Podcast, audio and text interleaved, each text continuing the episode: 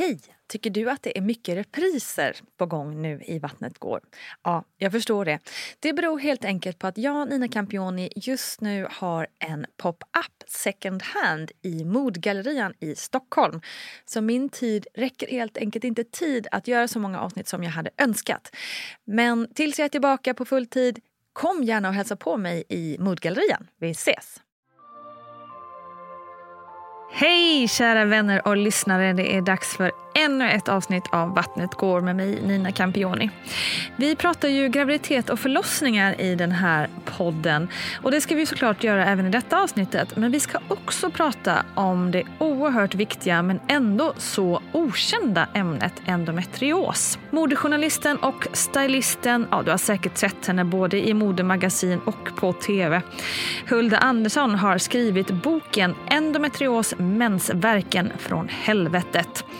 Och där delar hon tillsammans med många andra kvinnor med sig av hur det är att leva med den här sjukdomen och hur det påverkar både hela livet men också förmågan att skaffa familj. Det är så otroligt många kvinnor som lider i det tysta med den här sjukdomen och det är allt för få inom vården som har kunskap kring de här frågorna. Men det ska vi ändra på nu tänker jag. Med oss i podden är som vanligt barnmorskan Gudrun Abascal som ställer upp med lite expertis. Men nu kör vi helt enkelt Hulda och endometrios. Cool fact a crocodile can't stick out its tongue. Also, you can get health insurance for a month or just under a year in some states. United Healthcare short term insurance plans, underwritten by Golden Rule Insurance Company, offer flexible, budget friendly coverage for you. Learn more at uh1.com.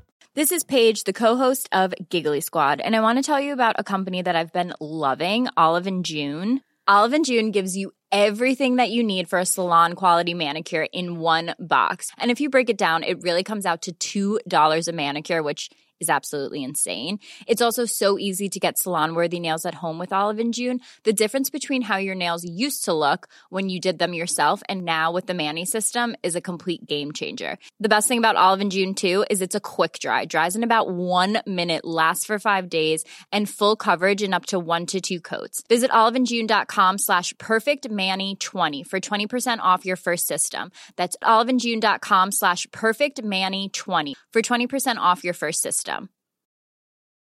Life is full of awesome what ifs, and some not so much, like unexpected medical costs. That's why United Healthcare provides Health Protector Guard fixed indemnity insurance plans to supplement your primary plan and help manage out of pocket costs. Learn more at uh1.com. This is Paige, the co-host of Giggly Squad, and I want to tell you about a company that I've been loving, Olive and June. Olive and June gives you everything that you need for a salon quality manicure in one box. And if you break it down, it really comes out to $2 a manicure, which is absolutely insane. It's also so easy to get salon worthy nails at home with Olive and June. The difference between how your nails used to look when you did them yourself and now with the Manny system is a complete game changer. The best thing about Olive and June too is it's a quick dry, dries in about one minute, lasts for five days, and full coverage in up to one to two coats. Visit oliveandjune.com slash perfect Manny 20 for 20% off your first system. That's oliveandjune.com slash perfect Manny 20 for 20% off your first system. Kan inte du förklara för mig kring endometrios som om jag aldrig hört talas om ordet innan? Ja. Endometrios är, det är celler från livmoderslemhinnan som då är på andra ställen i kroppen, inte bara i livmodern. Och de här cellerna bildar härdar eh, på andra ställen i kroppen. Eh, och bland annat på bukhinnan eller på, på inne i buken överhuvudtaget, på äggstockarna och sådär. På de här härdarna, de är, eller vad ska man säga, de här härdarna de reagerar på progesteron och östrogen. Så när man blöder, när man har mens, så blöder man även därifrån. Och då kommer alltså blod ut i buken. Mm. Och de, det här blodet bildar cystor eller ja, sammanväxningar och sådana saker. Så, så det blir liksom som en inflammation i kroppen.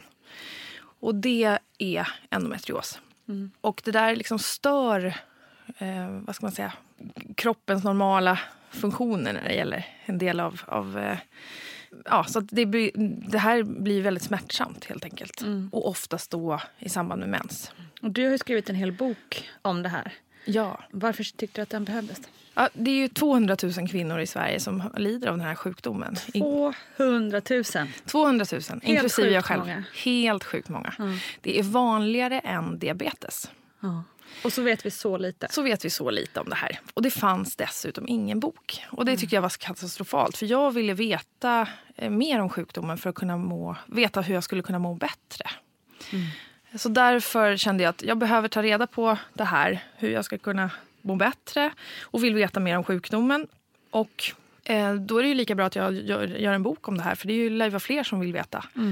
Så att, eh, ja, jag kände att det fanns ett behov för mig men också för andra som jag pratade med. Att, det, att få veta mer. Så jag ställde helt enkelt de frågorna till experter och till andra som har endometrios som jag själv vill ha svar på. Så att jag, eh, ja, jag kände att jag, jag ville verkligen veta mer. Mm. I boken berättar du jättemycket om, om dig själv såklart och det är många andra som berättar om sina upplevelser. Men om du, eh, alltså hur yttrar sig sjukdomen hos dig? Ja, jag fick jättekraftiga menssmärtor eh, med i tonåren. Började det. Det var ju inte menssmärtor. Det var det man fick lära sig väldigt många år senare. Att det inte var menssmärtor utan endometriossmärtor. Det är en väldigt stor skillnad där. Men just då så var det det som jag tänkte. Och det är därför boken heter alltså men, Mensvärken från helvetet. För det var precis så jag upplevde det. Det var hemskt. Varje menstruation var fruktansvärd. Eh, jag hade kraftiga smärtor eh, i magen, eh, livmodern och också neråt benen som domnade, bakåt i ryggen, eh, mådde illa. Eh, och sen blödde jag i stort sett upp till ja, uppemot två veckor Oj. varje menstruation. Och väldigt rikliga menstruationer. Så att det var ju det var ju fruktansvärt. Och jag, ja, man levde ju i stort sett eh, de andra veckorna. Och då orkade man göra andra saker. Jag, jag kämpade mig till skolan och var, körde igenom skolgången och sådär. Men det, det var jobbigt. Men hur Ja, är det då liksom en sån här kommentar? Jag bara minns ju själv från skolan så här. Äh, hon har mensvärk. Äh. Alltså Ja. att man tar ju, det, det blir ju lite som en så här hittepå Ja, verk oftast. Alltså man kan inte vara med på gympan eller liksom sådär. nej men visst. Och så skrattar de lite. Precis, och det där kände jag att det var ju väldigt svårt att se andra framförallt i ens klass och så som sa att åh jag har så här mensvärk idag, det är så jobbigt. Och, och så såg de inte ens eh, speciellt eh, liksom berörda ut. Medan jag då kände att mina ben domnar och jag har svårt att stå. Eh, och då kände jag att det är förmodligen jag som inte har... Alltså jag har en oerhörd låg smärttröskel och det är nog jag som bara är kinkig. Eh, så det är bara att bita ihop. Liksom, så. Och sen sa ju gympaläraren där, det, du ska vara med, kom igen nu, det är bara lite mens. Det är ingen fara, det har vi alla. Eller sådär, liksom, att klämmigt, klämkäckt. Liksom. Så att, och det var ju lite så, den mentaliteten som överhuvudtaget som man kände. Att det var ju, alltså, mensvärk är ju ingenting som vi kvinnor egentligen pratar om med varandra. Vilket gör att vi också... Ja, det blir liksom inte riktigt någonting som tas på allvar. Eh, så att varför skulle man då tro att det här var någonting annat då? För att det är ingen som ens tar det på allvar när man diskuterar att man har mensvärk. Så att, Nej, det viftas ju verkligen bort. verkligen, Eh, så, verkligen. ta en Alvedon. Ja, och Alvedon är ju ett skämt. Och man, det är väldigt många som dessutom får Alvedon även när de åker in akut, när de är äldre, till akuten. Och även inom vården så är det ju problematiskt för att de inte kan så mycket om det här. Så att då ger de Alvedon och det hjälper absolut ingenting mot den här typen av smärtor. När fick du först hjälp och fick veta vad, det här kunde vara? Liksom? Ja, jag sökte hjälp flera gånger hos gynekologer. Jag var hos gynekologer, de gjorde ultraljud och flera sa att ah, det ser bra ut. Det ser bra ut, inga problem, inga problem. Nähä.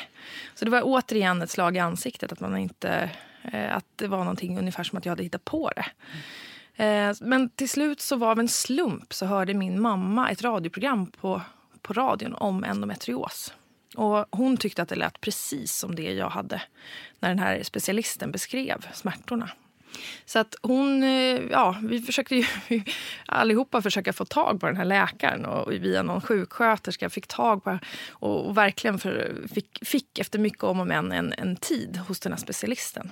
Och hon undersökte mig, gjorde ett ultraljud och konstaterade ganska precis där och då att eh, jag hade två cystor endometriossystor då, eh, som var 6 och 7 centimeter stora. Oj.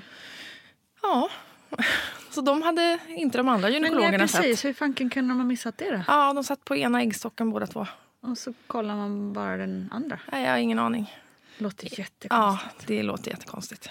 Så att, eh, ja, det, det har ju fått mig att fundera väldigt mycket på vad, att, att det finns gynekologer helt enkelt som inte som inte kan det här. Jag ska säga det att det finns enormt många fina, fantastiska specialister på endometrios i Sverige. Det, jag ska ju verkligen inte skicka skit åt alla håll här nu. Men det är också det att vi har ett problem i Sverige. Att det är väldigt många som inte känner till endometrios. Som jobbar inom vården, som jobbar som husläkare, som jobbar som gynekologer men också på akutintagen. Som inte vet vad det här är.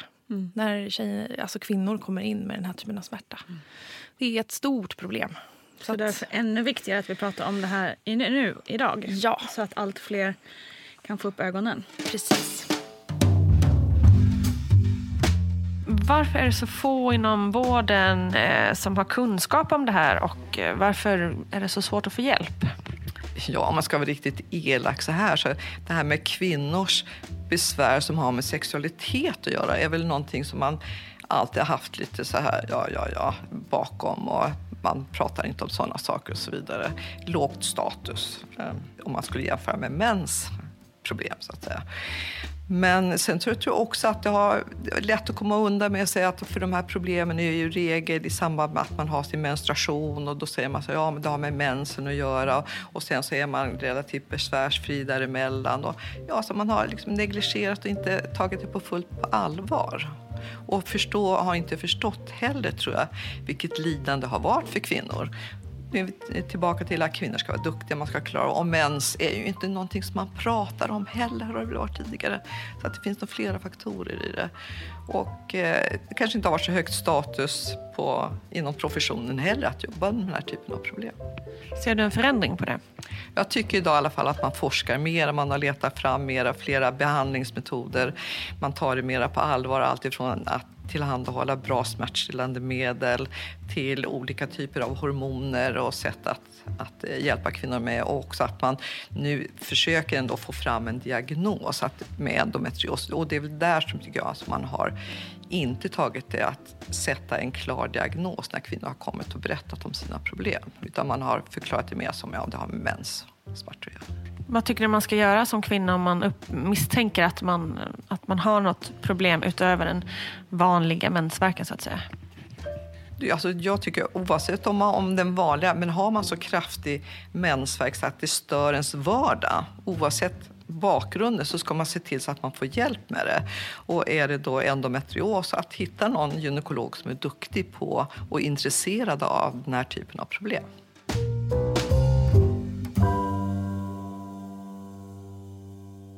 Vad hände sen då när du fick eh, träffa och fick veta, fick diagnos? Alltså? Hon, eh, hon sa direkt, den här eh, specialisten, att hon, ja, det här är endometrios. Jag är i stort sett helt säker, men vi måste göra en, en eh, och vi måste ta bort de här cystorna. Så att jag sätter upp dig på en operationstid. Så jag fick en operationstid eh, för att göra en laparoskopi, som det heter då. Det är en titthålsoperation. Och I regel så kan man inte fastställa endometrios hundraprocentigt säkert annat än vid en laparoskopi egentligen. För att vara helt, helt, helt hundra säker. Sen finns det ju specialister, precis som hon då, som jag eh, träffade som, som absolut är, är en av de mest kunniga i Sverige som då direkt såg att det här var endometrios.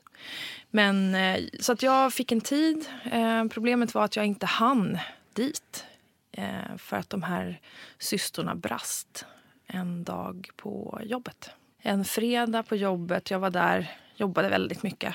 Då jobbade jag på en modetidning som heter Glamour som moderedaktör. Och eh, ja, de, jag fick ett sådär, jag skulle ta ner någon stor låda från en hylla vet jag, in i moderummet och det bara högg till något fruktansvärt i magen på ett sätt som jag... Alltså jag var ju van vid smärta, absolut, men det där var någonting annat. Det kändes mer dramatiskt. Jag kände nu måste jag låsa och hämta min jacka och åka hem. Ehm, Men jag kunde nästan inte gå, så jag liksom höll mig i väggen och hasade mig i så här myrsteg ut mot receptionen. Och hem, fick tag på min jacka och min väska. Och sen så som tur var så fanns det vid typ halv sex-tiden eller vad klockan var en person i receptionen kvar. Eh, vilket var en räddning för mig. Så hon fick hjälpa mig ner då. Jag ringde en taxi och så fick hon hjälpa mig att hålla mig under armarna typ, för att jag inte kunde stå. Eh, för det gjorde så fruktansvärt ont. Så det var en sån här, ja, det var fruktansvärt smärta. Så att sen när jag kom ner på, på gatan så kunde jag inte stå utan jag satte mig på trottoaren. Och då kommer taxin som jag hade ringt, stannar in och sen så kör den. För att den ser ju då att jag... Jag vet jag hängde väl med huvudet eller såg liksom... Jag såg ju så dålig ut så att förmodligen trodde den här personen att jag förmodligen var någon slags fylle after work-fredag eller någonting. Så jag vet inte. Ja. Så att den åkte, den här taxin. Så att jag vinkade in vilken annan taxi som helst, vilket jag sällan gör annars. Men eh, man var ju så jättedesperat att komma därifrån. Och någon slags... I, ja, jag var ganska naiv och tänkte så här, men jag ska bara åka hem och lägga mig med en vetevärmare så går det nog över. Även om det är så dramatiskt, alltså det var så dramatisk smärta så kände jag ändå att nej, men det här, jag är van vid att hantera det här så det här går nog bra. Eh, Klassiskt kvinnligt också, att eh, förminska sin egen smärta. Exakt. exakt. Men eh, väl in i taxin så förstod jag att det här funkar absolut inte. Så att, eh, jag sa att han fick åka till akuten. Så vi åkte till akuten. Eh, jag hade jättestora problem att bara få fram min plånbok. Jag bara skrek i taxin. Det var ju fruktansvärd smärta. Eh, sen kom vi in på akutintaget. Jag kunde inte röra mig överhuvudtaget. Eh, så att de kom och, och lastade mig i en rullstol. Och normalt sett så har man ju väldigt mycket spärrar när det gäller att eh, visa sig sårbar kanske i, bland andra på det här liksom, brutalt ärliga sättet. Men i det här fallet så släppte allting. Eh, så att jag, jag vet att jag gallskrek av smärta när de körde mig genom det här fullsatta väntrummet i akutintaget. Eh, och det gör man ju inte i första taget. Ja, då gör det ju ont alltså. Ja, så det, det enda som fanns då var smärtan. Eh, sen konstaterade de ju då att de här eh, cystorna hade brustit. Eh, Så att det var ju det som var smärta. Så att min, alltså buken var ju fylld med, eller ja, det var ju, hade det runt ut massa blod i buken och det är ju ont.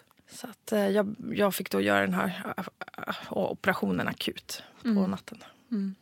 Så Fy eh, fasen. De körde mig i ambulans till ett annat sjukhus och så gjorde de den operationen där. Ja. Och det är helt sjukt också. Jag blir, alltså, jag blir stu, bestum av att liksom, den här graden av dramatik kan komma utifrån en sjukdom som, ja, men som vi sa, typ är helt liksom, mer eller mindre dold. Och, Ja. alltså, vi pratar inte om det och den är inte på agendan. Mm. Och det finns så lite forskning kring det. ja. Det är så galet. Och det som är väldigt galet är ju att det här händer ju det händer ju för, det här är ju tio år sedan nu, men det händer ju hela tiden. Eh, det är ju jätte, alltså jag ju, läser mycket på olika forum, endometriosforum. Och där skulle ju väldigt många inom vården behöva läsa vad som försiggår och hur personer blir behandlade. Att de blir, åker in för att de, de svimmar och kräks av sina smärtor. Och så kommer de in och så får de en Alvedon. Om någon kommer in med ett brutet ben på tre ställen och har den här typen av smärta och kräks och, och har svimmat av smärta så är det ju, det är ju bara rakt eh, morfin och Ja, alla tänkbara smärt... mm. Så att det där är lite svårt för att man, man, man klassar många av de här kvinnorna som liksom besvärliga eller men det man ska komma ihåg är att det tar i snitt åtta år för en kvinna att få en endometriosdiagnos. Vilket gör att de här kvinnorna som då anses vara besvärliga inom citat, situationstecken kanske har försökt att få vård i sju år men inte har fått rätt hjälp. Och vad gör det med en människa att ha den här typen av svår smärta och inte bli betrodd? Jag tror att man faktiskt blir rätt besvärlig efter ett tag och faktiskt desperat att få hjälp. Och jag tror att många av de kvinnorna åker till akutintagen för att de helt enkelt inte klarar av att hantera sin smärta. Men jag har också hört exempel och läst exempel på kvinnor som säger att det är ingen idé att åka in för jag får ingen hjälp ändå. Och det gör mig galen. jag blir vansinnig av det här. Sen ska man som sagt säga att det finns väldigt, väldigt mycket eh, fantastiska endometriosspecialister men tyvärr är de alldeles för få. Ja. Så alla som går läkarlinjen nu, det här är till er. Se nu till att specialisera er på endometrios för det finns mycket att göra. Vad skulle du säga till dem som misstänker att det här kanske kan, kan gälla dem? Har du något tips eller knep på hur man ska nå fram för att få hjälp? Ja, alltså det handlar väldigt mycket om att eh, inte ge upp. Men framförallt så skulle jag vilja säga vad som är typiska symptom. Mm. Eh, typiska symptom på endometrios är ju kraftiga blödningar vid mens, eh, kraftiga smärtor vid mens ofta, men det kan också vara smärtor vid andra tillfällen, vid ägglossning eller vid andra tillfällen. Eh, man, en del mår illa, en del har migrän, eh, en del har samlagssmärtor, en del har problem med IBS-liknande problem med tarmen. Mm. Uppblåst mage, diarréer, eh, förstoppning. Alltså IBS-liknande eller problem med tarmen. Um, så det, de sakerna kan man liksom vara lite aktsam på. Um, men framförallt när det gäller att få hjälp så handlar det väldigt mycket om att inte ge upp. Uh, och att vara ihärdig och ha en anhörig eller pojkvän eller flickvän eller någon bredvid vid sin sida som, som helt enkelt uh, kan vara stark vid sidan av mm. och kämpa för personen i fråga. För när man har ont och är eh, mår dåligt så är det inte alltid så himla lätt att vara stark. Verkligen inte. Så att, eh, ja, ge inte upp. Och sen finns det många, försök att få en remiss till eh, en smärtmottagning, framförallt en endometrioscenter eh, mm. eller en endometriosspecialist som kan det här. Mm. Och då får man hoppas att de som då man går till i första hand eh, faktiskt erkänner att de kanske inte har koll på det här och skickar vidare. För det är det man, man önskar att vissa mm, skulle precis, kunna göra. Att, de, att, man erkänner att mm. man inte kan ha koll på allting mm. och sen eh, skicka vidare för mm. att få en, en, helt enkelt mm. få en tidigare diagnos. För det handlar väldigt mycket om att få en tidig diagnos. För att det kan förhindra sammanväxningar senare och kanske också förhindra i vissa fall att, att det blir svårare eh, att bli gravid. Eller det blir lättare mm. att bli gravid om man, man får en tidigare diagnos i vissa fall. Ja, vi ska ju prata om det. Det här är ju trots allt en gravidpodd. Ja, precis. Exakt. och vi ska prata om det att det är ju ganska vanligt. Du får ju motbevisa här nu då. Du har ju mer fakta än jag, kunskap. Eh, men det, det, är ju rätt vanligt att man får kanske lite problem att bli gravid. Ja, det stämmer. Mm. Det, är, det är många som har problem med det. det. Det som är viktigt att nämna är att det inte behöver vara så. Eh, för att det är jag tror att de, alltså det handlar mycket om att eh, eh, det finns de som inte har några problem alls att bli gravida. Eh, och det är oftast det här med att någon, om någon får en diagnos endometrios eh, så är det nästan som att en del tar det som en dom. Mm. Att man kommer bli, automatiskt bli barnlös. Mm. Så är det inte. Men det finns, det är många som har problem. Däribland jag och min sambo då, mm. som hade problem. Um, så det handlar lite om hur endometriosen är utspridd och hur, den, alltså hur, ja, hur endometriosen, hur, hur allvarlig den är. Mm. så att säga. Men ni, eh, om jag fattat det rätt via boken, så försökte ni ungefär ett eh, år. Mm. Och, eh, och sen fick ni gå på utredning. Ja, Eller lite nej, tidigare nej, fick ni gå på utredning. Vi försökte, alltså, eh, det handlade om att jag, när jag fick min diagnos så sa, eh, eller när vi, jag och min sambo vi tänkte att vi var redo för barn. Mm. Så gick vi och pratade med min läkare. Och då sa hon eh, ganska bedust, fast jag är oerhört tacksam för det så här i efterhand, att hon sa att det är ingen idé att ni försöker få barn själva. För det kommer inte gå. Ja, det var så det var. Ja. Det. Okay. Och då, jag sätter upp er på en mm på en, en IVF-kö, liksom, en lista direkt. Ja. Och det var ju, alltså jag, jag är väldigt tacksam för det idag. Mm. Hon är en av de nyckelpersonerna som har gjort att vi har fått barn. Mm. För att hon helt enkelt eh, där och då såg till att inte vi slösade massa tid. Mm. Sen så var det, väntade vi, så stod vi i den där kön i ett år och sen så fick vi då... Um, ja, det var så ni var, ni stod kö ja, i ett år. Kö Hur gammal var du då? Frågade. Jag måste räkna här. Eh, jag var 36 26 när jag fick barn. Ja, mm. 34 mm. kanske. Mm. Sånt. Det var... Mer eller mindre. Ja, något sånt. Ungefär, cirka. Ja. Hur var det och, eh, liksom, när man fick veta att nu är det vår tur i kön? Ja, man var ju väldigt redo. Mm. För då hade man ju hunnit processa det här i ett år. Mm. Så att vi var ju verkligen redo för att eh, kicka igång det där. Så det var ju förväntan och, och liksom rädsla och alla känslor på en gång. Mm. Um, I det här fallet så handlar det, det är lite olika i olika landsting men, men uh, i Stockholms läns landsting så handlar det om att man får tre försök om man har, om man har endometrios. Så att, men man kan då bli utslussad i olika delar av landet beroende på vad, så att det, det ska bli så kort kö som möjligt. Vi fick göra vårt första på, i Göteborg. Mm. Um, så att vi åkte, åkte dit. Och man fick ju ta massa sprutor och, och alla dessa hormoner innan och sådär. Um, som var ovant att lära sig ta sprutor själv och sådär. Men det är en, en vanesak som allt annat som känns obehagligt. Så gör man det ofta så blir det mindre läskigt.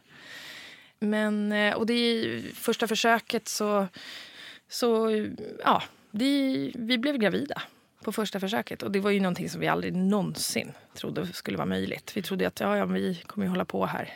Liksom, det här kommer ta tid om det ens går. Så att vi hade ingen, ingen så naiv upp, liksom, inställning att det här kommer gå på första försöket. Men vi blev ju otroligt glada. Var det då också man sa att det var ett praktexempel Ja, på de sa att det var ett försök? Ja, de sa Ja. att den här, det här eh, embryot skulle kunna platsa på ett omslag till en IVF-bok.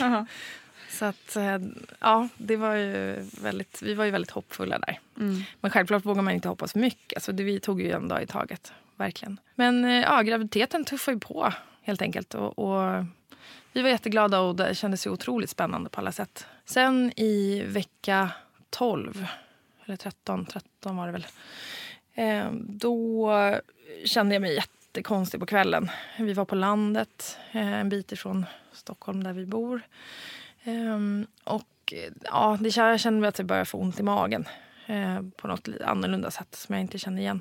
Så jag gick och la mig och sen så på morgonen så när jag gick på toaletten så ja, det kom ju så fruktansvärt mycket blod. Så att då förstod jag att det här, ja, det här, det här är någonting riktigt dåligt. Så att vi satte oss i bilen, vi bara lämnade frukosttallrikarna där och åkte rakt, eh, rakt därifrån i ilfart. Jag ringde eh, akuten, eller sjuk, sjukhuset på vägen. Och det var ju så, ja det var väldigt dramatiskt för att jag blödde så fruktansvärt mycket. Alltså det här, det här är ju lite obehagligt men känslan av att man sitter och liksom kissar på sig fast det är inte det utan det är någonting annat. I 45 minuter konstant. Så det var ju väldigt dramatiskt. Men alltså i det så, vi sa inte så mycket. Vi pratade inte så mycket med varandra i det läget. Vi bara höll varandra i handen. Eh, och han körde väldigt fort och jag sa att du får inte köra så fort. Även om han förstod att det var riktigt illa. Ehm, så att, ja, det kände, någonstans så, jag visste redan att det hade gått åt helvete. Jag visste det. Alltså, det var ju ingen snack liksom, med tanke på hur, hur kroppen reagerade. Så jag kom in där eh, till akutintaget i, ja, jag vet inte, det måste ha sett oerhört dramatiskt ut med tanke på att det var liksom hela kläder. Alltså, ja. Eh, ja. Eh, och sen så fick jag ligga i sju timmar, tror jag det var, med någon slags kramp. Alltså det var ju, så här i efterhand förstår jag att det verkar ju vara någon slags sammandrag. Alltså jag hade ju någon, det var ju som någon slags förlossnings Just det. kryst, eh, för det kom ju i intervaller så här. Jätte, jätte, jätteont och de pumpar ju mig full med, alltså. full med morfin, eh, maxdos liksom. Mm. Så det handlade ju om att emellan då de här kramperna så fick de liksom hålla mig vaken så här, för att jag inte skulle, ja det var jättetokigt. Men eh, Och då Ja, det fick, gjorde- du, fick du blod också då? Samtidigt? nej, fick jag fick inte det. Men jag vet att de hade, de hade gjort en, en eh, reservation på Ja. sjukhuset. För att de behövde aldrig, jag behövde aldrig någon blodtransfusion. Men de hade, för jag har en, en annorlunda blodgrupp också. Så de hade liksom Mm. safeat upp vet jag. Så här i efterhand har jag fått reda på det. Eh, men ja, så det, det var ju väldigt, det var ju fruktansvärt smärta där också. Eh, att ta sig igenom. Men sen efter sju timmar så blev jag nerrullad äntligen för att få gå igenom en skrapning. Eh, och de hade satt alla kanyler och, och la mig på den här britsen och kört in mig i operationssalen och skulle precis sätta på den här, den här masken för att söva mig. Då går larmet för att någon, alltså ett, ett akut snitt behöver göras. Så då var det ut i korridoren och vänta igen. Eh, och det förstår man ju. Alltså det, jag, hade, det, alltså jag har full förståelse. Det är klart att de måste ta ett akutsnitt. Liksom. Självklart alla... Alltså, det var ju ingenting som jag sa någonting om det. Det är ju självklart. Men eh, det som blev väldigt tokigt var att sen när jag väl fick komma in där och sen när jag väl blev, blev eh, då skrapad och blev eh, sen in, inlagd på uppvaket så blir jag placerad bredvid den här nyförlösta kvinnan och hennes eh, nyfödda lilla bebis. Eh, varpå alla sj- sjuksköterskor och barnmorskor, alltså alla på, där på uppvaket flockas kring den här lilla bebisen eh, som ligger precis bredvid mig. Eh, och där ligger jag ensam. Då kände jag mig inte så stark. Utan då var det... Eh, jag var, vanligtvis är jag väldigt... Jag är en person som är inte rädd för att säga ifrån. Och, Eh, inte rädd för att ta någon strid om jag känner att jag blir trampad på eller sådär. Eh, så jag är ganska stark i sådana lägen. Men i det här fallet så var jag verkligen inte stark. Jag orkade inte ens göra någonting annat än jag låg bara där och grina. Mm. Faktiskt. Tills någon, tills någon sköterska då kom fram till mig och sa att eh, ja, det här kanske inte var så bra. Nej, precis. kanske inte var bästa kanske inte läget. var så jättebra. Så att då blev jag upprullad och till, eh, på sal och där fanns ju min, eh, min sambo Stefan. Mm. Så att han har ju beskrivit det att han, hade, han har nog aldrig sett en så förkrossad människa. Mm. Det skriver han om i boken också. Han skriver väldigt vackert i boken, eh, din sambo, eh, om det här och eh, det svåra är att stå bredvid och att liksom inte kunna hjälpa till med smärtan eller förstå smärtan. För det är ju, det är, jätte- det är ju svårt med smärta just att Mm. liksom veta hur en person har en smärta och någon annan har någon annan. Alltså, det är så himla omöjligt att veta och förstå. Det är jättesvårt, Ja. verkligen. Han Verkligen. skri, skriver också om svårigheterna i att liksom planera långsiktigt eller bara ens så tacka ja till en middagsbjudning för man vet inte riktigt Nej. hur du kommer må till Nej, exempel. precis. Och ja, tackla alla de här vardags, små vardagsgrejerna i det här. Ja. ja, det är inte så lätt alla gånger. Det ibland har de önskat sig ett, eh, när det gäller vanliga endometriossmärtor så har man ibland eh, önskat sig ett brutet ben istället för Mm. att det syns. Då går man på Precis. kryckor, eh, personer runt omkring förstår att de måste hjälpa en att laga mat och så. Ja. Sen har jag en världens bästa uppbackning med både med såklart min sambo men också min mamma och pappa som, bor, som är fantastiska, som bor nära mig och så där. Mm. Så att de har varit ett väldigt, väldigt bra stöd på alla sätt. Men sen gick ni i alla fall vidare. Jag förstår att det var en stor sorg såklart. Ja. Eh, Ja, det var ju, det var ju det jobbigt såklart. Eh, Som alla missfall. Man, man blir ju ledsen och man, hoppa, man har hoppats och, och sådär. Sen kände vi väl i och för sig att det var ja, okej, det här var första försöket. Jag menar, vi har ju hört väldigt många som får göra oerhört många försök. Så att vi har ju inte på något sätt trodde att det här skulle gå så lätt. Eller lätt, men ja.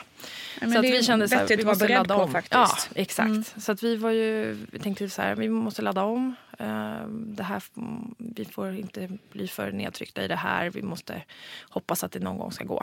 Så vi gjorde ett försök till eh, som inte tog. Och sen så gjorde vi ett, ja, ett tredje försök. Och då hade vi så att säga två embryon i frysen som man ibland brukar säga.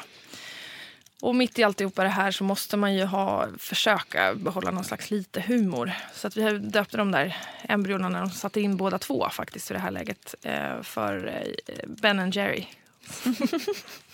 Eftersom man legat i frysen tänkte vi så här, ja, glass. Ja, nej, Det gäller humor i sånt här humor. också. Ja, precis. Men i eländet, mitt i eländet. Eh, Det var så att de tinade upp det ena embryot, embryot och det, det, var, det var inte riktigt så bra som de hade hoppats på. Så därför så tog de nummer två också. Det var det vi hade. så att säga. Så de satte in två ehm, och vi blev gravida igen. Och eh, ja, gjorde väl ungefär tre stycken såna här gravstickor. liksom innan man kunde tro att det var på riktigt. Och sen så kände väl jag att eh, eh, ja, vi tar en dag i taget här. Vi vet ju inte hur det går. Men eh, graviditeten tuffar väl på där, sakta men säkert. Sen i vecka sju så får jag en blödning igen, en kraftig blödning. Vi åker in eh, och eh, ja, vi, jag blev, för hade fruktansvärda smärtor då också. Blödde jättemycket och eh, vi förstod att det här kan vi inte ha gått så Mm. bra. Två läkare eh, gör ultraljud på mig och eh, båda säger att det finns ingen fosterstruktur kvar. Mm. Eh, så jag blir, får ligga kvar ett dygn och sen så åkte vi hem. Och sen så, ja, då hamnar vi båda där i något slags svart, sorgligt hål kändes det som mentalt. Eh, mycket, mycket tårar och mycket hopplöshet. Alltså det som man ska tala om i det här också är att den här typen av process när man har endometrios eh, och gör en IVF-process, det är ju oerhört dåligt för kroppen. För att det är den typen av hormoner som är absolut sämst att så att säga pumpa in i kroppen. Så att jag hade ju mått så oerhört dåligt under de här försöken. Eh, bland annat hade jag fått en bukhinneinflammation och åkte in och ut på, på sjukhus och hade liksom, eh, ja, hade, kroppen hade reagerat dåligt helt enkelt på den här typen av hormonpåslag. Så att eh, hela processen i sig hade ju varit fruktansvärd fram till det att man helt enkelt blivit gravid. För då mådde jag bra. När jag väl eh, blev gravid. Så att ja, vi åkte hem och var hemma och kände att det här var ju fruktansvärt jobbigt och hur ska vi orka ladda om och vi kommer nog aldrig bli föräldrar. Det var det vi tänkte. För jag visste i ärlighetens namn inte då om jag skulle klara av. En Och om kroppen, klara, om kroppen skulle klara av. Vi hade ingenting kvar i frysen så att säga som man Mm. säger då när man har embryon kvar som man har är befruktade. Men, så då skulle vi behöva göra om hela processen i äggplock och alla de här hormonerna och sprutorna och allt det där.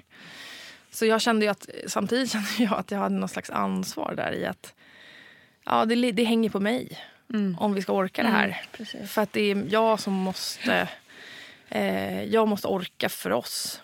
Eh, och det hänger på mig. Det är ett ganska tungt ansvar. Ja, det kändes lite tungt. Eh, samtidigt som att jag vill ju jättegärna själv också ha barn. Så vi var väl i det här superledsamhetstänket och var ju otroligt ledsna i en vecka.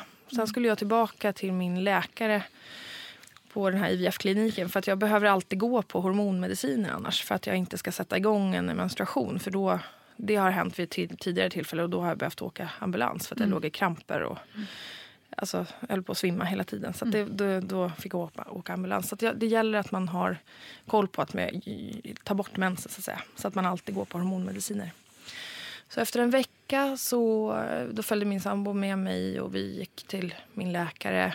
Och eh, ja, hon gjorde ett ultraljud, rutinultraljud. För att se så att jag verkligen hade blött ut allting. Och så, ja, jag tyckte det tog så det tog jättelång tid. Ehm, väldigt lång tid. Och ehm, sen, sen så vrider hon den här skärmen mot oss. och pekar eh, på, på fostret och säger ser ni hjärtslagen på skärmen? det är en som har klarat sig. Och det är vår dotter. Ja, det är så fantastiskt. Ja, jo, det är fantastiskt. Och alltså, mitt i alltihopa det här chockartade tillståndet så att man nästan inte... Alltså jag har ju minnesluckor. Jag kunde nästan inte förstå vad det var som hände. Så ja, jag reagerar ju så otroligt korkat och så jättemärkligt på alla sätt. Så jag kan ju nästan inte... Alltså jag skäms ju nu att säga det här, men nu gör jag det i alla fall. Alltså jag slängde ur mig något så jättekorkat så jag sa att men kan inte, det kan inte vara något annat. Något djur eller så. ja, men du vet, alltså jag vet inte. Jag, Man är inte det i inte sitt så allra konstigt. skarpaste det, var jag. liksom liksom. inte, det var ju inte möjligt Det egentligen. var ju inte möjligt när två läkare sagt att det inte fanns någon fosterstruktur kvar. Nej. Och sen en vecka senare så är det ett hjärta som slår i magen. Alltså det var ju, alltså då tänkte jag bara, så här, kan, det inte vara, kan det vara något annat ni Ja, ser? Alltså, ja. Sådär. Och vi grät ju alla tre. liksom. Och jag också, just nu. så himla Så att, eh, det var ju helt fantastiskt. Så att vi, vi kom ju dit. Vi satt i det där väntrummet där alla är normalt sett väldigt hoppfulla. Och vi satt ju så här söndergråtna och helt förstörda. Ehm, I någon slags hoppets väntrum. där alla vill bli föräldrar. Och sen så satt vi där innan och mådde jättedåligt och ville bara få det här överstökat. Och sen så går vi ut genom dörrarna med en eh, ultraljudsbild. En bebis i magen. Ja. Helt sjukt. Det är helt otroligt. Så att, eh, och den känslan av att ringa på dörren på mamma och pappa och säga att det, hålla fram den där bilden och säga att det är en kvar. Ja. Det var ju helt fantastiskt. Så vi tycker att alla barn är mirakel. Men vi tycker att hon är ett litet extra mirakel. Ja, det, det kan jag nog skriva under på faktiskt. För med tanke på att de sätter in, de sätter ju in då embryona med 0, vad är det? 0,010 millimeters luftbubbla eller någonting sånt emellan. Så att det hade ju alltså fått ett missfall på det ena. Och hon hade då klamrat sig fast på något vis. Kämpat Kämpat. vidare. Ja. Så, Starken. att, eh, ja. så det var ju fantastiskt att ha den där eh, ultraljudsbilden. Och, fast mm, i det här tidiga skedet som det ändå är med graviditeten så handlade det om att eh, jag inte vågade tro att det skulle bli någon bebis. Alltså, Så jag tror att i stort sett så, så ja, jag tillät mig kanske att våga vara gravid en, eh, typ en minut i taget, två minuter Ja. i taget, en timme i taget. Ja. Om jag var djärv. Och sen så, alltså för man känner ju ingenting i början heller. Och sen var det ju de Nej, här magiska, väldigt luddig början. ja och var magiska fram till 13 veckor då. Där vi hade, att det handlade hela tiden, allt handlade om att passera det. För att det var ju då det hade gått åt helsike sist. Precis. Så det var ju det, det allting handlade om. Kunde du slappna av efter det eller, eller hade du med dig den här känslan hela vägen? Ehm, jag hade med mig känslan hela vägen. Det var jättehemskt. Jag hade en, en, på ett sätt så var det en fantastisk graviditet. Jag har, jag har aldrig, som jag kan minnas, mått så bra. Någonsin. För det är det som är så tvetydigt med, med det här med endometrios. Att det är så svårt många gånger att bli gravid och att gå igenom IVF-försöken är så dåligt så att säga. Den typen av hormoner. Men när man väl blir gravid så är det den absolut det är det bästa för kroppen. Så stabiliseras det liksom. Ja, och det är det absolut bästa för kroppen. Så att jag, jag njöt av att, att vara helt onaturell. Att vara helt utan hormoner, utan verkmedicin. Det var bara jag Wow. och den här bebisen. Så att det är ju någonting som jag... Ja, det var en drömtillvaro. Sen, jag mådde inte speciellt illa. Jag var lite åksjuk när jag åkte buss. Det var det enda jag kunde komma ihåg. Så var jag kanske lite hungrig på morgonen. Sådär. Så att jag hade någon, någon skorpa på nattduksbordet som min sambo tyckte var jättestörande. det lät så, eller att skoja om det där att jag typ höll på att äta skorpar. Så det lät så mycket på morgonen. Men eh, annars mådde jag ju fantastiskt bra. Helt Vad skönt. overkligt alltså. Eh, att få uppleva den känslan. Att slippa eh, alla mediciner. Det var ju det bästa som... Ja, jag kunde inte komma ihåg att jag hade mått så. Inte ens när jag var liksom ja, men du vet, 12-13 år. Alltså man kommer Nej. inte ihåg. Nej. Jag kommer inte ihåg när jag mådde så bra. Så att det kan man ju sakna lite. Ja, det förstår jag verkligen. Jag skulle ju rent krasst behöva, eller vilja vara gravid hela tiden. Hela tiden, exakt. Eller min kropp skulle vilja det i alla fall. Ja. Ja. När man då ska närma sig förlossning, är det någon särskild förberedelse man behöver göra just för att man har den här sjukdomen? Eh, nej, inte vad jag fick reda på i alla fall. Det är en del som har haft problem vet jag vid...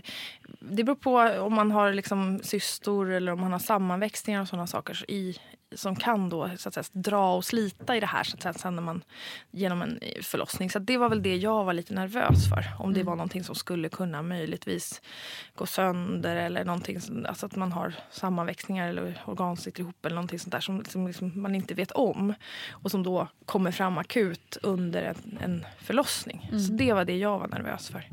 Men jag var ju också nervös för att det inte skulle gå. Så att jag menar, när folk gratulerar mig till magen och sådär, åh vad roligt och vad kul och så här, då, Jag satte upp som en stor mur, kommer jag ihåg, en mental mur att ja vi får se. Så jag liksom bara pratade bort det. Eh, så det, jag kände att jag inte vågade tro att det skulle bli någon bebis. Så det tog i stort sett en timme eller en dag i taget. Ja. Hela graviditeten. Men det nämner du också, och det är också en viktig sak att ta upp tycker jag, det här med eh, den ständiga frågan. Ja, när ska ni skaffa barn och när eh, har ni inte sugna nu? Och liksom det som egentligen alla kvinnor i en viss ålder eller beroende på civil status typ Ja. får. Och för många är det en helt odramatisk fråga men för otroligt många är det ju en superjobbig fråga. Superjobbigt. Och jag, jag, jag ställer mig helt oförstående till varför personer i ens eh, liksom, periferi eller personer i ens närvaro... Alltså, alltså, att de har rätten till att veta det. För det är en sån otroligt privat sak, tycker jag. Jag, menar, jag är i och för sig väldigt liksom, transparent. Jag har inte liksom, många eh, många versioner av mig själv. Utan de flesta som känner mig känner, säger att jag är liksom precis som, som, på samma sätt med alla. Men, men det här känns ändå otroligt privat. Jag har varit väldigt öppen, eller både jag och min sambo har varit väldigt öppen när vi har hållit på med våra IVF-försök. För vi har känt att för oss, eh, det är ingen hemlis. så. Men samtidigt är det ju oerhört jobbigt det här med innan. Att, att, att få frågor och, och så här, Åh, när ska ni inte ha barn och hej och hå", sådär. Och överlag känner jag att det är ju hemskt att, att man, man har någon slags informationsplikt. Att Ja. det verkar som att man... Det, det är liksom eh, att det är någon regel. att man, Det ska man, det ska man få, ha, få reda på. Mm. Som, som bekant, eller som släkting eller som, som arbetskompis. Eller så här, jaha, hur blir det med barnen? För jag Mm. menar, man vet inte vad som döljer sig bakom.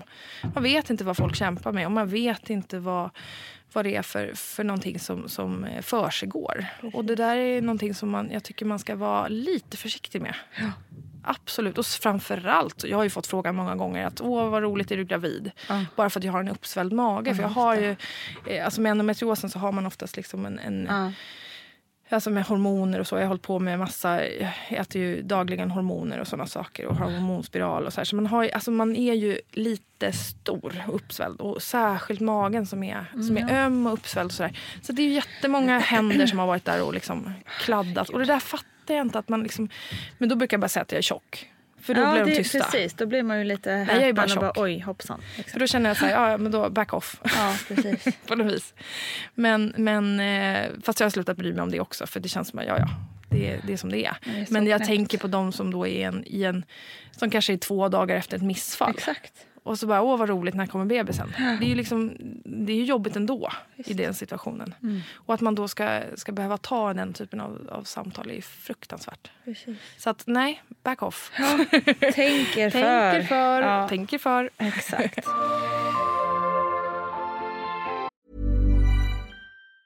Jewelry isn't a gift you give just once. It's a way to remind your loved one of a beautiful moment every time they see it. Blue Nile can help you find the gift that says how you feel and says it beautifully with expert guidance and a wide assortment of jewelry of the highest quality at the best price. Go to BlueNile.com and experience the convenience of shopping Blue Nile, the original online jeweler since 1999. That's BlueNile.com to find the perfect jewelry gift for any occasion. BlueNile.com.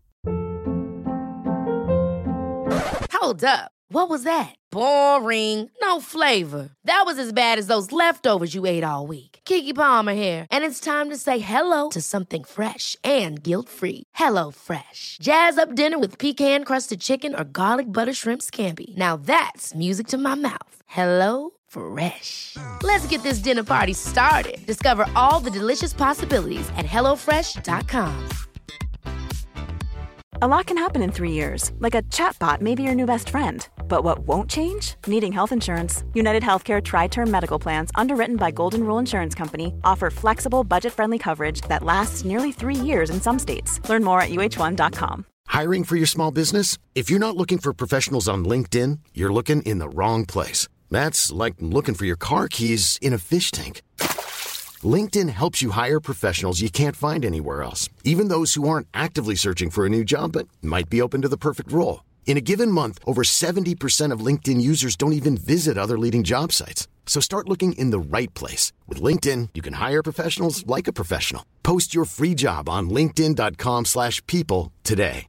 Imagine the softest sheets you've ever felt. Now imagine them getting even softer over time. That's what you'll feel with Bowl and Branch's organic cotton sheets. In a recent customer survey, 96% replied that Bowl and Branch sheets get softer with every wash. Start getting your best night's sleep in these sheets that get softer and softer for years to come. Try their sheets with a 30-night guarantee. Plus, get 15% off your first order at bowlandbranch.com. Code BUTTERY. Exclusions apply. See site for details. Men jag tycker vi hoppar på det här med förlossningen ändå. Ja, Hur började det?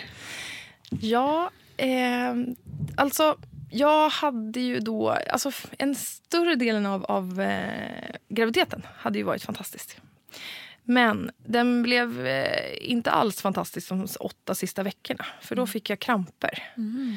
Som eh, de inte förstod vad det var. I magen. I magen. Eh, fruktansvärda kramper. Jag kunde inte röra mig och jag kunde inte göra någonting. Utan det kom från noll, alltså smärt, smärtmässigt från noll till hundra eh, på liksom en sekund ungefär. Så jag blev sjukskriven de sista åtta veckorna och jag gick med så här kramplösande eh, tabletter i ena handen och mobilen i andra handen. Jag vågade inte gå ut med soporna för det kunde, liksom, det kunde slå till när som helst. Så hade jag liksom, de här kramplösande tabletterna in i ett annat rum så kunde jag inte ta mig därifrån. Utan jag Men var liksom, hjälpte de eh, direkt? de hjälpte. Ja, de hjälpte Liksom. ganska så direkt. Okej. Eh, men tyvärr så var ju det, det var ju morfin. Ja. Vilket kändes oerhört dåligt Mm. på alla sätt. Det är ju ingenting man vill stoppa i sig liksom, Nej, överhuvudtaget. Men samtidigt så kände jag att, jag, alltså, att ligga och skaka och inte kunna prata, alltså, det var ju fruktansvärda smärtor. Så vi åkte in, jag tror jag hade ungefär 12 eller 15 såna krampanfall. Oj. Och vi åkte in, jag tror vi sju gånger till akuten. Mm. Och varje gång så tror man att det har gått åt helvete igen. Mm. Eh, så mentalt så ställde man in sig varje gång på att nej, nu blir det ingen bebis. Nu blir det ingen bebis. Nej, det blir ingen terror. Så det var ju, det var ju en, när det hade varit liksom redan innan en osäkerhet så blev det här någon slags kulmen på det hela. För att man blev ju, man trodde ju inte på någonting. Nu, alltså nu vill man bara få det här missfallet överstökat eller det här eh, döda fostret ut. Alltså man tänkte bara att någonting är fel. Men man pratade aldrig om eh, eventuellt eh, liksom, ta ut det tidigare? Nej, det blev inte- senare. Det blev så senare. Det blev så till slut. Men i alla fall så, så de, gjorde, de tog ju- de tog sån här eh, värden och alla värden och hjärtrytm och allt. Och bebisen mår bra, bebisen mår bra. Ja, fast vad är det då som händer? Och de förstod, de trodde att det var njurstensanfall. Eh, Men de kunde inte styrka det på något vis. Sen eh, många år senare så har ju jag fått operera bort gallan för den var inflammerad och hade även gallsten. Eh, ja, min egen teori är ju att bebisen vänder sig. Det här är ingenting som jag har fått, fått svar på, men det är min egen teori. Att bebisen, hon vände sig ju och började kanske sparka uppåt mot den här gallblåsan som kanske var problematisk. Eh, det är ungefär den tiden, så det skulle ju kunna stämma. Men jag vet inte. Eh, till slut, efter jag hade varit inne sju gånger på akuten med den här typen av kramper och jag hade haft 15 anfall totalt. Eh, då var jag så slut mentalt. Så att jag tog ett samtal med en läkare och sa att eh, hon, är, hon är färdig nu i magen. Jag, jag klarar inte av mer. Det finns ju ingen Ni anledning får, ni får plocka ut henne. För jag, jag var så slut mentalt. För att jag tänkte hela tiden att det hade gått åt helvete. Mm. Och då kände jag att nu, nu, jag går sönder snart. Så att det här, hon måste ut. För att jag tror inte att det här kommer gå vägen annars. Jag, hjälp mig. Det var, det var verkligen ett rop på hjälp när jag satt, satt där och pratade med läkaren. Ni måste ta ut henne för jag klarar inte det här mer. Eh, jag försöker att ladda om och vara stark emellan de här krampanfallen men nu, nu är jag slut. Mm. Eh, och då höll den här läkaren med. För att det är inte heller bra att liksom ha morfin, kramplösande Nej, tabletter. Det var ju fruktansvärt att, att liksom ta det beslutet att man behövde ta en sån tablett. Eh, så att läkaren beslutade där och då att det blev kejsarsnitt. Så att eh, tre dagar senare, hon kommer ut i, eller ja, de plockade ut henne i 38 och 5 tror jag. Eller någonting sånt där. Så att hon var ju, hon var ju färdig. Hon var ju färdig. Det finns ingen anledning att Så vänta att, mer. eh, och då, då infann sig den här enorma lugnet som man hade önskat sig hela graviditeten. Så kvällen innan kejsarsnittet så kände jag så en enormt lugn. Alltså det var en sån lycka. För då kände jag så här, jag blir omhändertagen i det här. Det kommer bli en bebis i alla fall. Det var först då som jag förstod att jag skulle bli mamma. Kvällen innan. Det var, det var bara då.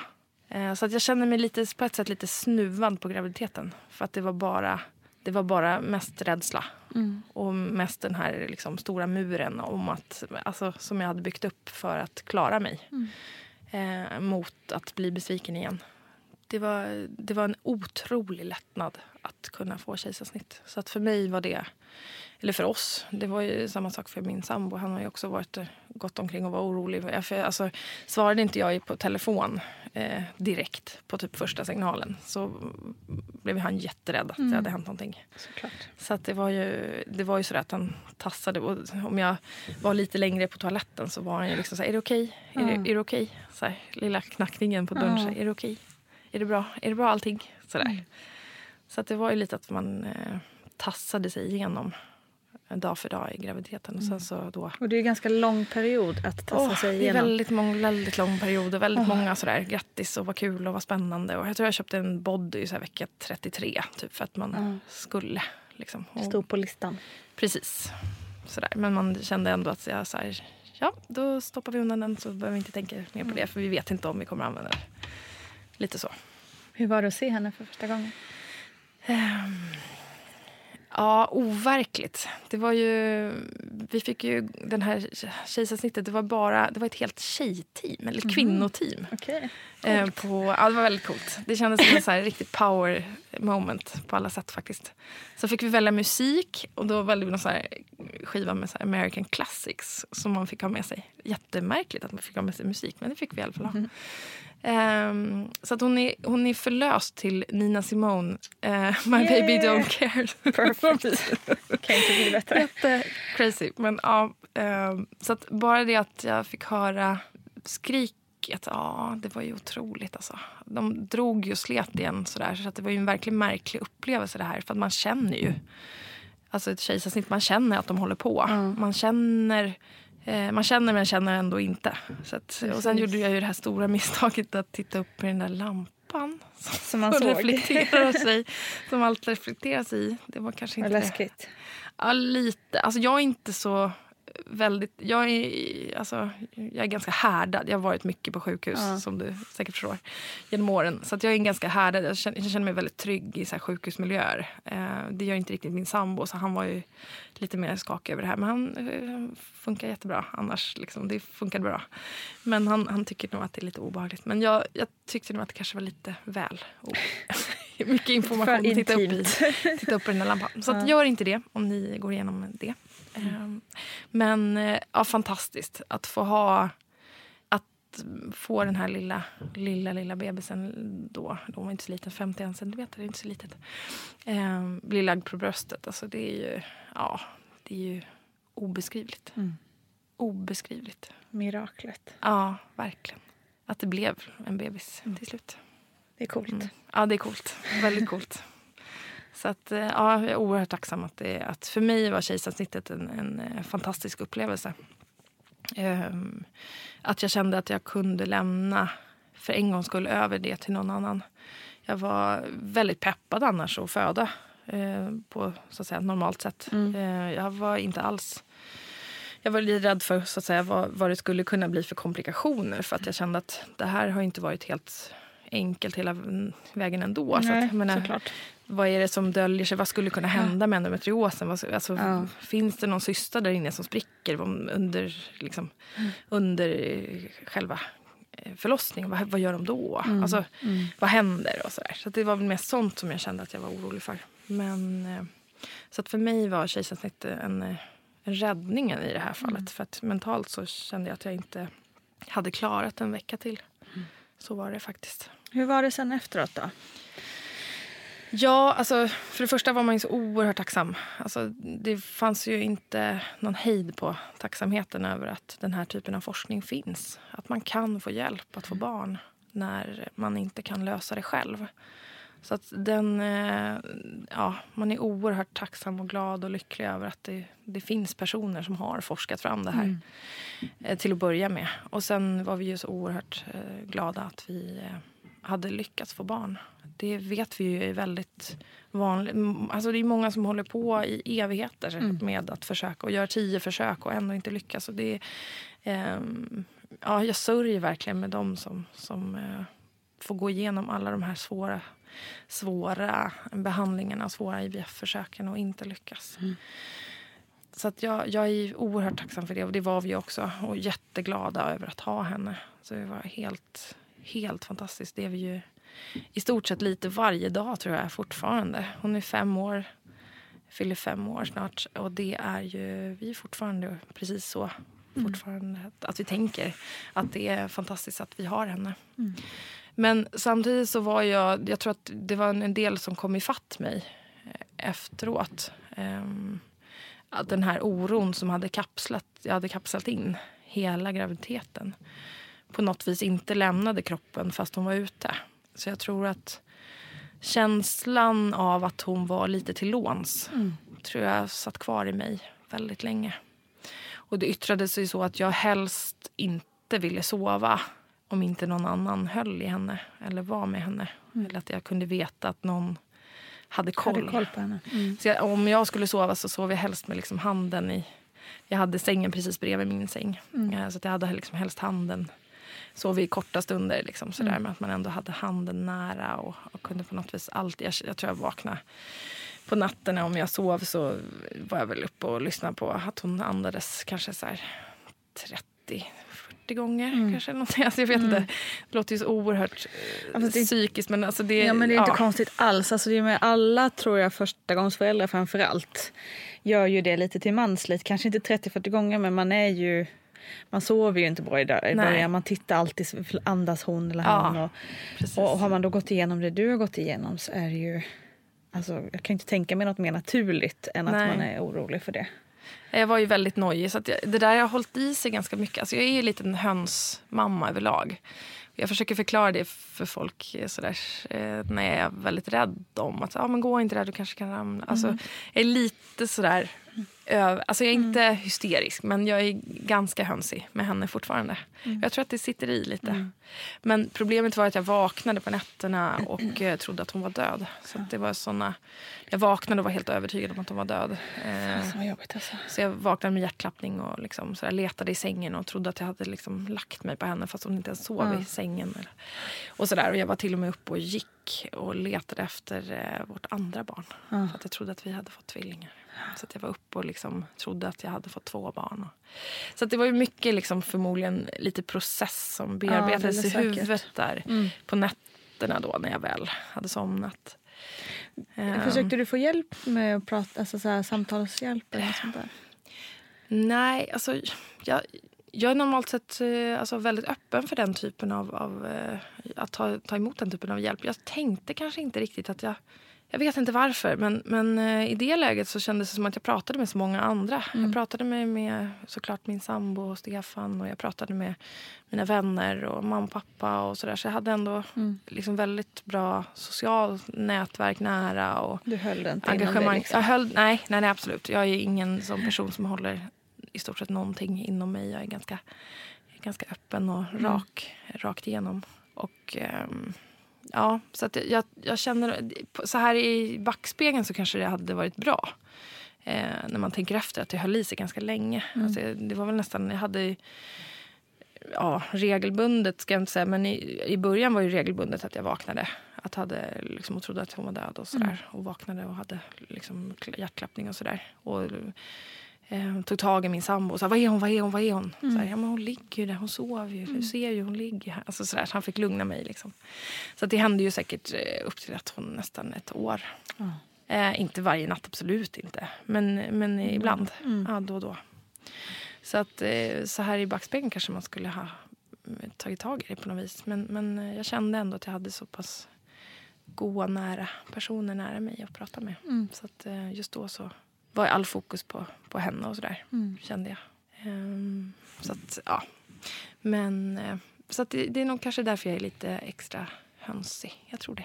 Det har Fullt hållit- förståeligt. det, det har liksom hållit i sig lite så här, klättra inte för högt här. Fast man vill samtidigt så här, klättra jättehögt för att man vill att hon ska bli så här modig och stark. Ja, och. Det blir hon nog ändå. Ja. Hon har en sån stark mamma. ja, jag hoppas det. Åh, vad gulligt sagt. Men eh, nu har ni ett barn. Um, som sagt, jag frågar hur mår du när du kom in och det du strålar verkligen här när vi sitter mot, mitt emot varandra. Men hur är det liksom nu då att leva, att vara mamma och dessutom få de här tillfällena där man kanske inte orkar eller har jätteont eller eh, Ja, endometrios yttrar sig på lite olika sätt för alla. Eh, så det är väldigt individuellt hur man mår. Jag har ju någon slags sån här molverk som är, är liksom ihållande. Så jag har inte längre såna här krampanfall och så att jag svimmar och kräks. Alltså såna där saker. Är det Svimmar har tack vare hormonmedicinen som du äter? Ja, jag har aldrig svimmat i och för sig och, och kräkts så på det sättet. Utan jag har haft kramp, magkramper, eh, svåra. Och har haft ont och domningar i benen och sådär. Men det har liksom lättat för att jag går då på en hormonmedicinering sedan tio år tillbaka. Förutom när jag var gravid och såklart och ammade. Eh, men eh, med hormonspiral och även med en eh, hormonmedicin. Um, som heter Visanne som dessutom inte är under högkostnadsskyddet. Så där alla, Socialstyrelsen alla, det ser nu till att den här Skärpning. skärpning. Ja. Det där medicinen är den enda medicinen på marknaden som är framtagen för endometrios. Mm. Men nej, den ska endometriospatienter betala för. Så kan det vara. Eh, Jag gör gladeligen det för att jag känner att den hjälper. Så eh, för mig har den räddat eh, alltså, jättemycket. Men i övrigt så, jag har alltså en molande verk som liksom inte riktigt överger kroppen utan det är någon ihållande. Sen är det nog lite olika styrka på den. Men det är mer som en, som en eh, det är inga kramper. Så det handlar mer om att man ska lära sig att leva med den. Och sen att man får medicinera med värktabletter. Men det är klart att det gör att man blir väldigt trött. Eh, Men jag har i stort sett... Det är lite olika, men i stort sett inte ett helt verkfritt dygn. Eh, mer än på, på sommaren eller när vi har varit bortresta till exempel. Vi har varit i Thailand vid längre perioder. Och jag har märkt att den bästa medicinen för mig när det gäller endometrios det är värme. Så det blir en enorm skillnad. Eh, så där kan jag i, i Thailand i värmen när det har varit riktigt varmt och sol ehm, så har, det, har jag mått otroligt mycket bättre. Så det känns som att man, de här ledsmärtan som jag också har, den blir mycket bättre och sådär. Som också är en del Då av måste man ju fråga om ni har funderat på att flytta till ett Ja, alltså jag, jag är ju otroligt sugen på det. Ja, det förstår jag. Väldigt. Eh, Så att det känns lite som att ja, vi har varit där i längre perioder, två vintrar i rad här nu. Och det, vi, ibland så längtar jag bara dit. Ja, för att man är lite verkligen. som en annan person där. Så att man, jag kan ju gå två, tre, eh, fyra veckor utan en enda värktablett. Och det händer ju aldrig hemma. Aldrig någonsin. Där får jag vara glad om det är så tre dagar utan Mm. värktabletter. Tre, fyra kanske. Det är någon slags... Det är lite skillnad i livskvalitet. Ja, det är lite skillnad. Sen äter inte jag så jättetunga mediciner så att det är morfin och sådana saker. Utan jag är ju lyckligt lottad att jag slipper den typen. Annat än vid vissa tillfällen när det är som sämst. Eh, Det finns ju vissa som går på det dagligen som har endometrios. Eh, Så det är olika beroende på hur man har för, för eh, typ av smärta. Men det här med att vara mamma som du frågade om, det är ju ibland, alltså det är ju ibland svårt. Eh, För att man har, eh, i och med den här tröttheten som också är en del av endometriosen så, så eh, alltså, jag har väl inte världens bästa tålamod alla gånger. Och det känner jag ju att jag har eh, lite problem med ibland med när man har gått igenom så här, trotsåldern och sådana saker. Eller när man ska, ibland på morgonen ska böja sig och sätta på en overall. Och, eller hon springer omkring och, och så här, vägrar sätta på sig den. Och Man ska böja sig och liksom klämma till magen som är öm redan från början. Och så här, och så, ja, krångla på stövlar och såna grejer. Så, att, så att det kan vara liksom jobbigt. Eller att man... eh, ja, att, att ha en tid att passa på morgonen. För oftast är det att, att eh, man måste kicka igång kroppen. Eh, att vakna, jag vaknar nästan alltid med någon typ av verk. Även om det inte är jättestark verk så är det ändå att jag känner av det. Jag känner av att, att eh, det är en del av min tillvaro så att säga. Då, då måste man ju Ja, jag måste ta mina hormonmediciner på exakt samma tid. Eller i alla fall inom en, loppet av en timmes diff. Liksom, så att det inte blir, annars får jag väldigt stark huvudvärk. Så att eh, man måste ta dem en viss tid på morgonen för att eh, kroppen ska liksom kicka igång och att det ska funka eh, under dagen. Och, sen, och då kan det handla om att jag ibland måste gå och lägga mig igen eh, på morgonen vissa dagar. Det är lite olika. Men eh, det är också därför som jag valde att vara frilans. För att jag ska kunna mer styra det själv och jobba, vara min egen chef och kunna parera och lägga in lite luckor efter eh, intensiva jobbperioder och sådär. Men just mammarollen är inte så himla lätt alla gånger för att man inte alltid är så pigg. Man är inte alltid den här Åh mamma, kan vi spela, spela fotboll? Och Ja, kan vi precis. klättra i träd? Och, Exakt. Ska vi brottas mamma? Eh, så. Inte just nu tack. Åh, akta min mage, den är lite öm. Så att, eh, vissa saker får hon göra med, med eh, sin pappa. Så ja, vi har, alltså det blir lite så. Att eh, brottas och eh, eh, de här li, allra livligaste grejerna kanske hon oftare gör med sin pappa. Så blir det väldigt mycket, eh, hon älskar böcker. Det är hennes största, största intresse. Så att vi läser väldigt mycket. Men det tror jag är det- viktigt liksom för alla. Att, alltså, oavsett vad man har för... Det finns jättemånga som har olika typer av kroppsliga pro- problem eller nedsättningar eller vad det än kan vara. Men att man hittar någonting som kan vara er grej lite. Ja. Eh, Ja, men det, Det blir, det blir lite så, så. Vi pysslar ju mer och liksom läser väldigt mycket. Och, Mm. och mer, liksom, lite mer eh, stillsamma lekar kanske man skulle kunna säga. Och hon vet ju, hon har ju lärt sig hur Mm. precis, det funkar barn är ju inte dumma liksom. Nej, hon har ju förstått att, att, eh, att man eh, får akta mammas mage som ibland Mm. är öm. Och, och, men eh, sen tror jag att, inte riktigt att hon förstår vad det är såklart. Hon är bara fem år. Men, men eh, hon har väl förstått att, att, eh, att mm, ja, ibland är mamma trött och ibland får- måste mamma vila. Eller, sådär. eller att man får leka liksom lite lugnt. Så. Hur är det med ärftligheten? 70 procent Okej. ärftlighet. Ja. Så att, eh, Är jag det också en ha- oro? Eh, inte än. Nej. Som sagt, det kommer bli. Eh, jag kommer ha fullständigt koll på henne Mm. när eh, hon kommer upp i tonåren. Eh, verkligen. Eh, min mamma har inte haft det här problemen. Men eh, min mormor däremot vet jag opererade bort en cysta. Men Mm. jag, hon finns inte kvar. Så jag kan inte prata med henne mer om det här. Och det är ingenting, hon har inte blivit diagnostiserad. Men det är väldigt vanligt det här med att, att eh, mammor till, säger till sina tonårsdöttrar att så här, ja, men det är så här ont vi har i vår familj. Så här är det att ha mens i vår familj. Mormor hade det också. Och det, då söker man inte Nej, då söker man inte vård. Eh, äv- så det är många som söker vård först när de är i 30-årsåldern.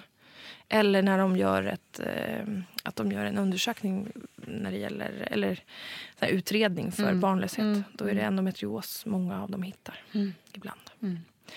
Så att, eh, ja, ärftligheten är 70 procent. Så det gäller att ja, man får hålla koll helt enkelt. Mm. Men eh, jag känner ju att jag vet jag, jag är väldigt upplyst på när det gäller signalerna. Så att jag Exakt. kommer att vara, se till att skicka iväg henne och vet vad hon ska... Och hon har en mamma som inte är rädd för att vara besvärlig.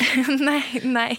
Det är bra, det är viktigt. Nej men precis, man får stå på sig. Man kanske ska vara... Ja, besvärlig är ju ett, ett, eh, lite knasigt ord eller jobbigt ord men samtidigt har du rätt Men i man det. kan får försöka vända upp. det till något positivt. För det Ja. blir ju oftast eh, inom vården kanske framför allt det här med besvärliga kvinnor eller vad det nu kan vara. Ja, Men det Man måste stå men på sig. fasen vara det. Man får stå på sig och se till att man eh, får den rätt till Mm. vård som man... Eller den vård som man har rätt till helt enkelt. Vad skulle du annars vilja säga till, eh, till någon som eh, vet med sig att man har endometrios eller kanske inte alls vet det men, men lider i det tysta? Eh, sök vård. Mm. Se till att få rätt vård och ge inte upp. Ehm, det man ska veta är att man också i vissa fall har rätt till en second opinion.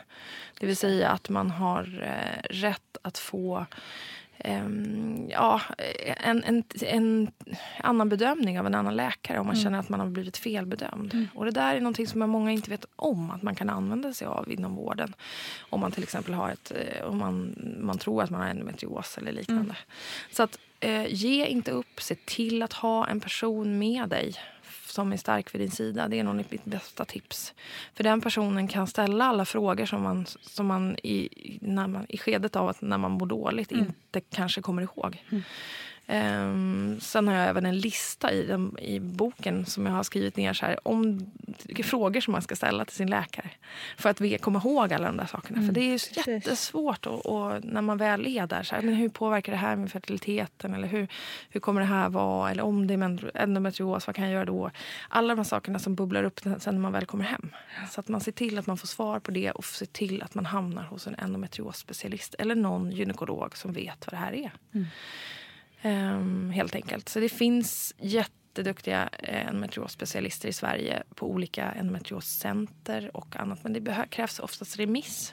Och då gäller det att man går till någon som, eh, som man kan få Som tar det på allvar. Ja, men också framförallt all, alla att förstå, de som har, det finns ju vissa som har nyckelroller i det här. Och det är ju främst eh, till exempel skolsköterskor. Det, de har en nyckelroll i det här. För det, de flesta tonårstjejer går oftast dit. Har man då någon som ofta går dit, Ja. så, samma person går ofta dit och klagar, för, klagar över sina menssmärtor. Då är, ring lite en sådär varningsklocka. Precis. Att man kanske behöver skicka iväg den personen till en gynekolog Mm. och få en, eh, för att få hjälp på ett annat sätt. Eh, husläkare behöver veta vad det här är eh, för att kunna skicka vidare. Det handlar också om akut eh, personal på sjukhus. Att det är inte bara det är inte någon som, som eh, skriker efter morfin som är någon missbrukare som, som det handlar om. Utan det här är smärta. Det finns ju till och med, jag har fått det förklarat för mig, de som då har fått barn som säger att de värsta endometrioskramperna de har haft är mycket värre än när de födde barn. Då vet kan man, man lite den tiden, sig. föreställa sig smärtan det handlar om. Verkligen. Så att man måste, det är dags att ta det här på allvar. Mm. Det har dessutom klassats som en folksjukdom nu sedan ett år tillbaka av Mm. Det är ett Socialstyrelsen. steg åt rätt riktning i alla fall. Verkligen. verkligen. Men kan vi också enas om att vi eh, kvinnor överlag bör bli bättre på att prata om män som en smärtor och eh, inte vara rädda för det? Verkligen. Verkligen. Och sen ska man komma ihåg att endometrios är en annan sak. Endometriossmärtor mm. är en annan sak mm. än, än menssmärtor. Men mm. definitivt, Men börjar vi prata om ja, mens och att, vilka problem, problem vi har kring det mm. så kan vi också våga vara öppna och det är då vi också kan eh, helt enkelt se till att någon kanske vet någonting om det här och precis. skicka vidare någon och säger ja, jag har hört om det här. Eller mm. sådär, så att man helt enkelt lyfter problemen. Mm. Helt klart. Tack Hulda. Tack snälla. Tack snälla Hulda Andersson för att du ville berätta om ditt mirakel och helvetet som är endometrios.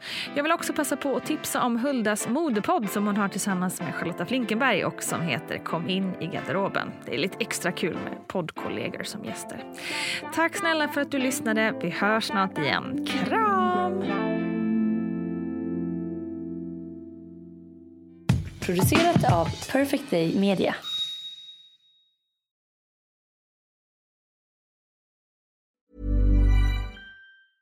Mom deserves the best, and there's no better place to shop for Mother's Day than Whole Foods Market. They're your destination for unbeatable savings, from premium gifts to show-stopping flowers and irresistible desserts. Start by saving 33% with Prime on all body care and candles. Then get a 15-stem bunch of tulips for just $9.99 each with Prime. Round out Mom's menu with festive rosé, irresistible berry chantilly cake, and more special treats. Come celebrate Mother's Day at Whole Foods Market.